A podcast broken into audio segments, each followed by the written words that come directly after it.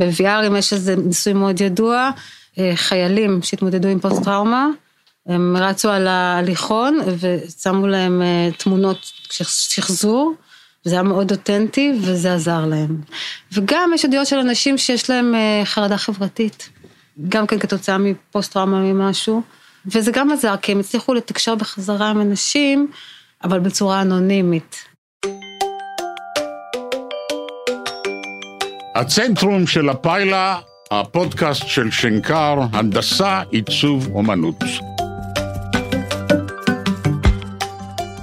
הצנטרום של הפיילה הוא פודקאסט, הסכת של מכללת שנקר, הנדסה, עיצוב, אומנות, ואני ירון לונדון. אנחנו נשוחח עם דוקטור ורד פנואלי, שהיא ראש המסלול למשחקים דיגיטליים. היא מעצבת משחקים, בעלת תארים אקדמיים בקולנוע, בניהול, בעיצוב. היא הייתה מנהלת מולטימדיה בחברות פרסום, היא הייתה יועצת תוכן לחברות מידיה, אבל היא גם תיאורטיקנית שמפרסמת את מחקריה על משחקים דיגיטליים בביטאונים בארץ ובעולם. שלום לך ורד. שלום. אני לא אסתכל אם אנחש שהנגיף קורונה הועיל מאוד לתעשיית המשחקים הדיגיטליים. לחלוטין. יש, כן, קצת לא נעים, התעשייה משגשגת. אנשים יושבים ומשחקים יותר מתמיד. אפילו ארגון הבריאות העולמית, שרק לפני שנה, הכתיר את משחקים כגיימינג דיסאורדר, תחת הפרעת משחקים. שנה לפני הקורונה, בקורונה הם יצאו עם קמפיין משותף שנקרא Play a Part Together. זאת אומרת, בואו שחקו ביחד, אבל לחוד. ת, תסבירי את זה, תפ, תפתחי את הרעיון הזה. אוקיי. Okay. החשש בהתחלה היה שהמשחקים הדיגיטליים עלולים ליצור התמכרות. שדומה במרכזי העונג, משפיעה על מרכזי העונג, וגורמת להתמכרות כדוגמת התמכרות לסיגריות או לסמים נרקוטיים. צריך להילחם בתופעה הזאת, להגביל אותה. אבל יש בה גם תכונות מועילות. נכון. מהם התכונות המועילות? קודם כל, התכונות השליליות נכונות. התמכרות למשחקים זה משהו מאוד מסוכן, ויש שם מרכזי גמילה להתמכרות ממשחקים, וגם אני לא מרשה שלילד הקטן שלי, לגדולים אני לא יכולה להגיד כלום, אבל הקטן אני לא מרשה לשחק יותר משעתיים. אז יש סכנה, וזה באמת דופמין, וזה בתגובות מהירות, וזה כמו כל סם אחר. סמים נרקוטיים מסוג מסוים, פסיכדלים, הם מכניסים אותך לתוך עולם בלתי ריאלי, לעתים עולם שבו אתה כל יכול. יש סכנות מסוימות שאתה תתעופף מגג כן. בית, כדי שתחשוב שאתה בעל כנפיים וכדומה, ויש סמים אחרים שגורמים פשוט עונג עצום, כן. תחושה נפלאה של רפיון וכדומה, או עוררות מינית, כל מיני דברים כאלה. אלה הם הסכנות. מה הסכנה במשחקים דיגיטליים? התגובות המהירות, זה, זה לא אוקסיטטין, זה לא עונג פיזי חושני, אבל זה איזושהי התמכרות לדופמין מהיר ולתגובות מהירות. ל... אני עושה משהו ואני מקבל משהו מיידית. זאת הסכנה הגדולה באמת. ואז ש... מה קורה? שאנשים מפחדים לגדל דור שלם שרגיל לפידבקים מהירים. זה בדיוק, בדיוק הדברים שמעוררים הפרעות קשב וריכוז, חוסר סבלנות, פשוט חוסר סבלנות. יש לנו כבר בדיקות או מחקרים שמוכיחים את זה? לא חד משמעית, לא חד משמעית, אבל ארגון הרופאים העולמי הוציא לפני שנתיים המלצה אה, לשחק אה, עד שעתיים ביום משחקים דיגיטליים. אה, מה שהם ראו זה ככה, משחק של שעה ביום, יש את כל היתרונות, היתרונות החברתיים, היתרונות לוגיים, ההנאה מסיפור מאוד מאוד מעניין, וכן, זה מפתח חשיבה, משחק, יש משחקים שמפתחים חשיבה לחלוטין. עוד שעה, זה כבר מתאזן, זאת אומרת, אפשר לשמור את השעתיים האלה. שעה אקסטרה, החסרונות כבר מתחילים לגבור, וזה ההתמכרות הזאת, זה התגובות המיידיות, העוררות הזאת, שאתה נמצא במקום שאתה מקבל פידבקים מהירים, ולעומת זאת המציאות החלופית שהיא איטית ולא מתגמלת, כמו מציאות מהונדסת, מציאות מהונדסת משחקית. ואז מה אומרת התיאוריה, מה יקרה לנער שירבה לשחק משחקים דיגיטליים, והם נלקחים ממנו? אז הוא יוצא לחיי הממש. כמו, כמו מה כל יקרה? גמילה רגילה. מה, אבל מה יקרה לו? מה, איך הוא, הוא יתנהג אחרת? אין מחקרים לאורך שנים. בזה יש המלצות, יש עדויות אישיות, יש חוויות. זה קצת כמו לומר מה יקרה אם אתה תצא ופתאום לא תראה יותר אה, מסך. זאת אומרת, לא תראה טלוויזיה ולא, תראה, ולא תיגע בטלפון ולא תעשה שום דבר דיגיטלי, לא יקרה כלום, כאילו, אתה תחיה, פחות ריגושים. אין ספק שהמשחקים יכולים לייצר ריגושים מאוד מהירים. אבל נדמה לי שזה אנקדוטלי והשערתי. כן, אין... אה, אנחנו לא יודעים. לא, אנחנו לא, מניחים נכון. שהאנומליה כרוכה משחקי דיגיטציה, משחקים כן. דיגיטליים, תשפיע לרעה על החיים האמיתיים. אבל אין אבל לנו אין הוכחות אה, ברורות. הוכחות לאורך זמן, וגם כן. כמו שהתחלתי להגיד לך, אז ארגון הבריאות העולמית, קודם הוא מגנה והכניס את זה כ gaming disorder, ואז יש את הקורונה, והם יוצאים לקמפיינים, חברות המשחקים הכי גדולות בעולם, הם מייקרוסופט ופלייסטיישן אה, ונינטנדו, והם עשו השטג כזה של אה, play a part together, שהם קוראים אה, לאנשים לשחק משחקים בשביל לגבור על הדיכאון של להיות לבד, וגם בשביל לאפשר להם שיהיה להם מעניין בבית, שלא יצאו מהבית. כאילו הקמפיין היה, אל תצאו מהבית, תשחקו סייף, תשחקו בצורה בטוחה. מה שהיה עד הקורונה סכנה, עכשיו הפך עכשיו. נהיה, כן. תמיד יש יתרונות, מי כמוך יודע, יש יתרונות נפלאים באומנות וסכנות באומנות, כן? גם ציורים יכולים להיות אה, פרובוקטיביים, הכנסייה, הכנסייה הייתה כן. נגדם, אבל, אה, אבל יש איזה, ברור שיש איזושהי רתיעה, אני חושבת, יותר גדולה במשחקים, כי הם לא נגישים מתי, לכולם. את גילי, מתי גילית את הקסם של המשחקים הדיגיטליים? באיזה גיל? הייתי קטנה, הייתי משחקת, אבל זה היה באמת לפני הרבה זמן. אני תמיד הייתי ילדה כזאת, קצת טומבוי כזו, סקרנית ואוהבת דברים של בנים. זה נעלם בגיל מסוים, לחץ חברתי כמובן, וגם כי זה כבר לא היו דברים מעניינים. ברגע שמשחקים כבר לא היו משחקים משפחתיים, היו יותר אלימים וגבריים, לא היה לי מה לעשות שם. גיליתי את המשחקים בחזרה כשעשיתי את התואר השני ב design management, זה היה בלונדון. בישראל לא הייתה תעשייה כזאת של משחקי מחשב. היום אנחנו אומרים כולנו משחקים, וכולנו שחקנים, ויש מלא משחקים והכל, אבל בישראל לא היה, הגעתי לאנגליה ב-2000, ב- בשנת 2000, 2001, ופתאום גיליתי תעשייה שהיא לא מוכרת בחלוטין בארץ. גם לא, לא מוכרים אפילו פלייסטיישנים, אנשים היו קונים פלייסטיישנים פרוצים וכאלה. ושם יש מסורת ותעשייה מדהימה ומשחקים נורא יפים ויצאו, יצא הסימס, שזה עד היום, אני חושבת אחד המשחקים הנמכרים ביותר בכל הזמנים, וטום ריידר שכולם מכירים בזכות. כולם זה לא אני. אז אנג'לינה ג'ולי אתה מכיר. לא? טום ריידר? אני יודע מי זאת, אבל מה... היא פרסמה בזכות הדמות שמתבססת על משחק מחשב. אפילו את זה אני. לא יודע. איזה אוקיי. דמות שלה, מה היא עושה במשחקי המחשב? אנג'לינה היא לא? עשתה כלום, אבל, אבל היא עשתה סרט מה, שהתבסס על, משחק מחשב. רוצים בה? והמטרה היא להשיג אותה? בסופו של דבר כן, לא, זה משחק מחשב שהסיפור הוא כמובן די בנאלי, כמו הרבה משחקי מחשב, ונוכל לשאול אחר כך למה זה קורה, אבל אה, אה, בחורה ארכיאולוגית שמחפשת את אבא שלה, ותוך כדי היא רצה, והיא חתיכה ועושה סלטות. אה, אני צוחקת, אבל אה, בזכות זה שהייתה כל כך חתיכה, המציאו אה, מבט חדש על משחקים, שזה נקרא third person. עד אז משחקים, לא יודע אם אתה זוכר, היו... הייתה כאילו המצלמה והיו ידיים או רצים, הגוף כן. לא היה מעניין, אבל כשהמציאו את טום ריידר, את לארה קרופט, אז הגוף היה כל כך מעניין, שאמרו, רגע, בוא נשים את המצלמה אולי מלמעלה, שגם יראו אותה כשהיא רצה. אהה. וככה נוצר בעצם כל המבט על, ככה נוצרה קונבנציה של אה, לייצר משחקים. אז זה בדיוק יצא, אה, המשחק הזה כשאני הייתי, וגם הסימס, והחברות היו מאוד חכמות באותה תקופה, והן אמרו, כבר אז, זה שנות, אני מדברת איתך לפני יותר 30, 20 שנה, הם אמרו, אה, אנחנו רוצים שמשחקי מחשב יהיו מדיה המונית, כאילו מס מדיה, כמו טלוויזיה, כמו קולנוע, כולם ישחקו משחקי מחשב, גם הקונסולות שהם הוציאו, הקונסולות, הייתה הפלטפורמה של משחקים, כבר לא היו כאלה צעצועיות כמו שהיו בחברות הקודמות, זה היה כזה אלגנטי, יושב בסלון, וכולם באים, מזפזפים מהטלוויזיה למשחק מחשב, לספרים, זה ה media center.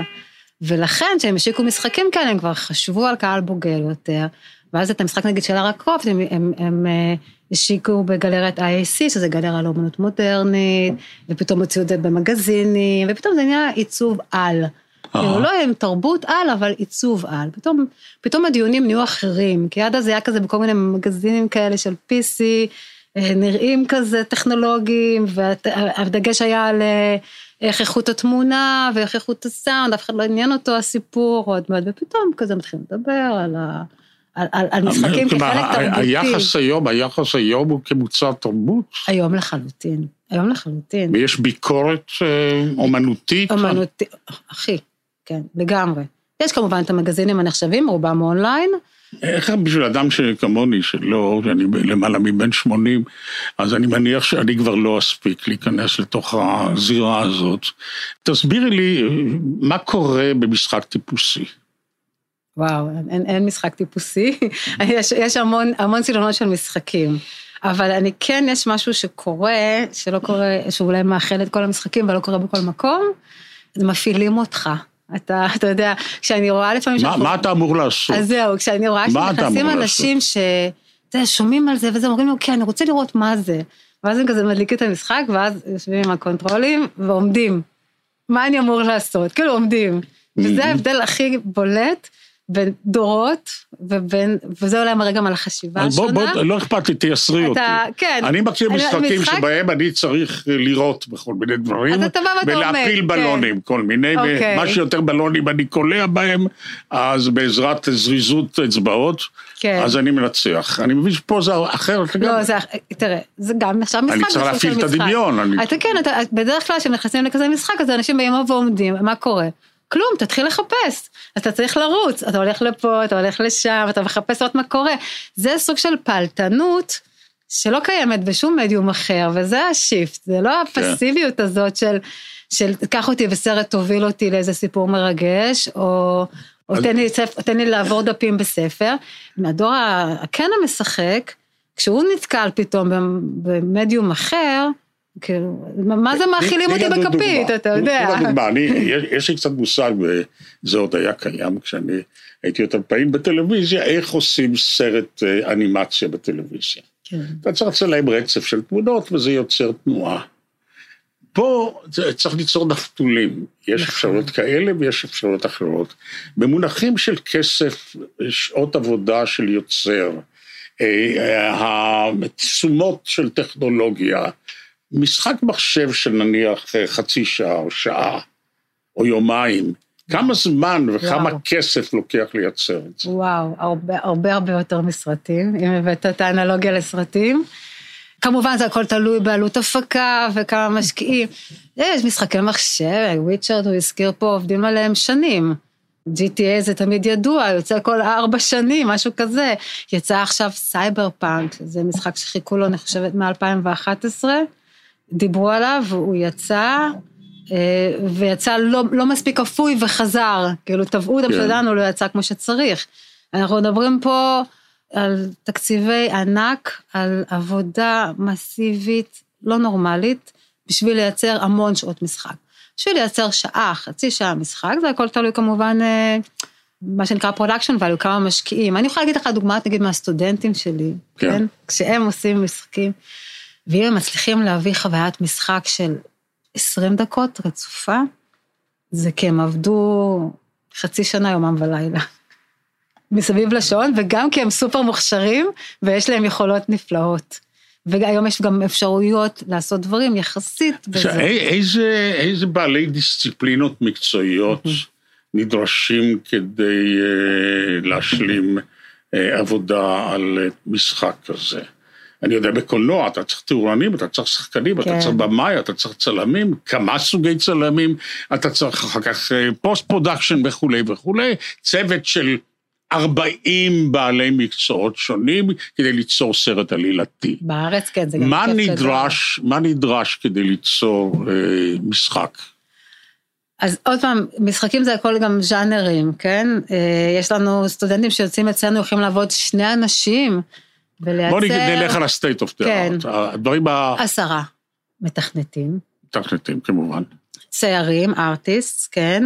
סופרים. תסריטאים. תסריטאים. לחלוטין. מפיקים. כן. כן.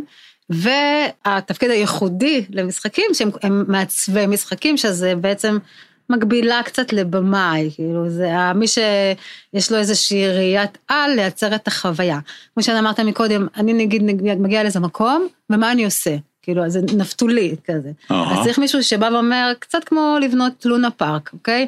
הנה, פה יש לך את זה, וכאן תגיע לפה, ואז פה תסתובב, ופה תלך לפה, ופה, כשתגיע לפה, תהיה מוזיקה שתמשך אותך שמאלה, ואז מפה יבוא הזומבי, ואז זאת אומרת, אין לנו... שכחת מוזיקאים, אנחנו צריכים גם מוזיקאים. מוזיקאים, נכון. מה, כן. מה עם המשחקים המלהיבים ביותר, או הפופולריים ביותר בעולם היום? וואי, אה, טוב, סייברפאנק, הזכרתי שהוא יצא. והוא עשה הרבה רעש. וויצ'ר, אני כבר חזרתי לה, כן. יש עדיין את כל המשחקי ספורט למיניהם, שכולם משחקים. אל תגידי כולם, זה מעצבן. זה מעצבן, כן, כי אתה לא, לא עם הילדים. אותי מכדור הארץ. נכון. נכון. מה זה כולם? משחקי פנטזיה, פנטזיה זה, זה ז'אנר מאוד, אה, מה, מאוד, מה מאוד מקשה, טוב. מה מקשה על אנשים מבוגרים להסתגל לעולם הזה? זמן, רק זמן. אם אתה מפנה לי עכשיו שבועיים, אנחנו נעשה את הפודקאסט הזה, ואתה תשאל שאלות אחרות, והכל יהיה אחרת. השאלות שאני שואל אותך יהיו משונות לאיש צעיר? לא, הן מצוינות, את פשוט תשאל אותי, תגידי, לא, ורד, תגידי ורד, במשחק הזה וזה, מה את חושבת, כאילו, מה לא כן. עבד שם טוב? זה כן. יהיה משהו כזה. זה רק זמן, זה, תראה, המכשול הגדול ביותר, זה מה שאנחנו קוראים הממשק. ה controller, הוא לא, לא נוח. כאילו, מי שלא גדל עם זה, לא נוח, כאילו, להתחיל ללחוץ על הכפתורים, להזיז, זה לא, זה לא אינטואיטיבי, זה לא, זה לא טוב. בגלל זה נגיד במציאות וירטואלית... וללמוד להיות, ללמוד כן, קורס טייס. כן, בדיוק, כן, כן, נכון, וזה לא אינטואיטיבי וזה לא נוח, וזה, וזאת מכניקה שהיא מיותרת. אה, ולכן נגיד שאנחנו מדברים על המציאות המדומה עם הקסדות, זה יותר נוח, כי זה יותר אינטואיטיבי, אנחנו כן אה, מזיזים ימינה, שמאלה, יותר דומה לתנועות שלנו. אז זה, זה מכשול גדול, זאת אומרת, הרבה פעמים אנשים נופלים על הממשק הזה. אני עכשיו מעורבת במחקר מאוד גדול לאיחוד האירופי, שאנחנו רוצים בדיוק לעשות את זה, לייצר פלטפורמות למשחקים לאנשים בוגרים, לא דווקא לילדים, כי יש המון, המון משאבים שילדים אה, נגישים אליהם בזכות המשחקים. עכשיו, תחשוב נגיד, אם עוד כמה שנים מישהו הוא בגיל 40, הוא רוצה לחפש עבודה, והוא נמצא מול מישהו בן 20 ומשהו, שכל היום משחק משחקים, יש פער מאוד גדול ביכולות הדיגיטליות. אה. ואת הפער הזה אפשר לגשר אם בגיל 40 אתה מתחיל לשחק קצת משחקים, וגם ללמוד בהוויה משחקית. Mm-hmm. מה שאנחנו היום קוראים על lifelong learning, זאת אומרת, לאן זה הולך? לאן זה הולך? מה תהיה... התעשייה? מה תהיה המתכונת של המשחקים הדיגיטליים בעוד... אה, טוב, היום להיות נביא אה, מרחיק ראות, כן. אז נדבר על חמש שנים. נבואה לטיפשים, כן. בעוד חמש אני, שנים. אני זה ואני אגיד איזה שטויות אמר, זה ממש לא ככה, הרי מי, מי יכולה לצפות את מה שקרה נכון, עם הקורונה? נכון, לכן אני אומר חמש שנים. כן. אה, מה הניחושים? חמש שנים זה מספר טוב, כי תמיד אנשים, תעשייה מכוונים לחמש נכון. שנים. כן. אה, נורא מאמינים במציאות מדומה. כאילו, מה שלפני הקורונה לא כל כך האמינו בזה, כי הקסדות היו לא נוחות, וזה גם באמת היה קצת מפחיד להתנתק. היום יש תחושה שאנחנו נהיה יותר בבית, התרגלנו קצת להיות בבית, ונרצה ממשקים יותר, אה, יותר נוחים, יותר אינטואיטיביים. את הפודקאסט הזה נגיד נוכל לעשות ב-VR, למה, למה לבוא עד לפה, אני שמה את הקסדה, אתה שם את הקסדה. כן. אתה רואה אותי מסוג של הולוגרמה, אני רואה אותך, ואנחנו עושים את זה. אה, זה, זה מוליך אותי לשאלה הבאה, ולא בכדי שאלתי את זה. מה יהיה היחס, אם כך, בין המשחקים האלה לעולם האמיתי? ככל שאנחנו מתקדמים בתחום הזה של המציאות המרובדת, כן. יש לנו תחושה אמיתית, אותנטית. כן. שאנחנו עוקרים את עצמנו לעולם אחר. מה תהיה המשמעות של חזרה לעולם האמיתי? ייתכן מאוד שהוא לא יהיה אמיתי יותר. כלומר נכון. שהעולם האמיתי יהיה העולם הזה, של המציאות המעובדת. נכון. איזה יחסים יהיו בין שני העולמות האלה? זה מאוד מפחיד, קודם כל גם אני מפחדת מדבר כזה. לתחושתי ולתחושות שאני בכל זאת עובדת עם הרבה אנשים צעירים שחיים את זה. כן. אז אולי אני פחות, פחות פוחדת, כי אני כן רואה שיש כמיהה לאינטראקציה אמיתית.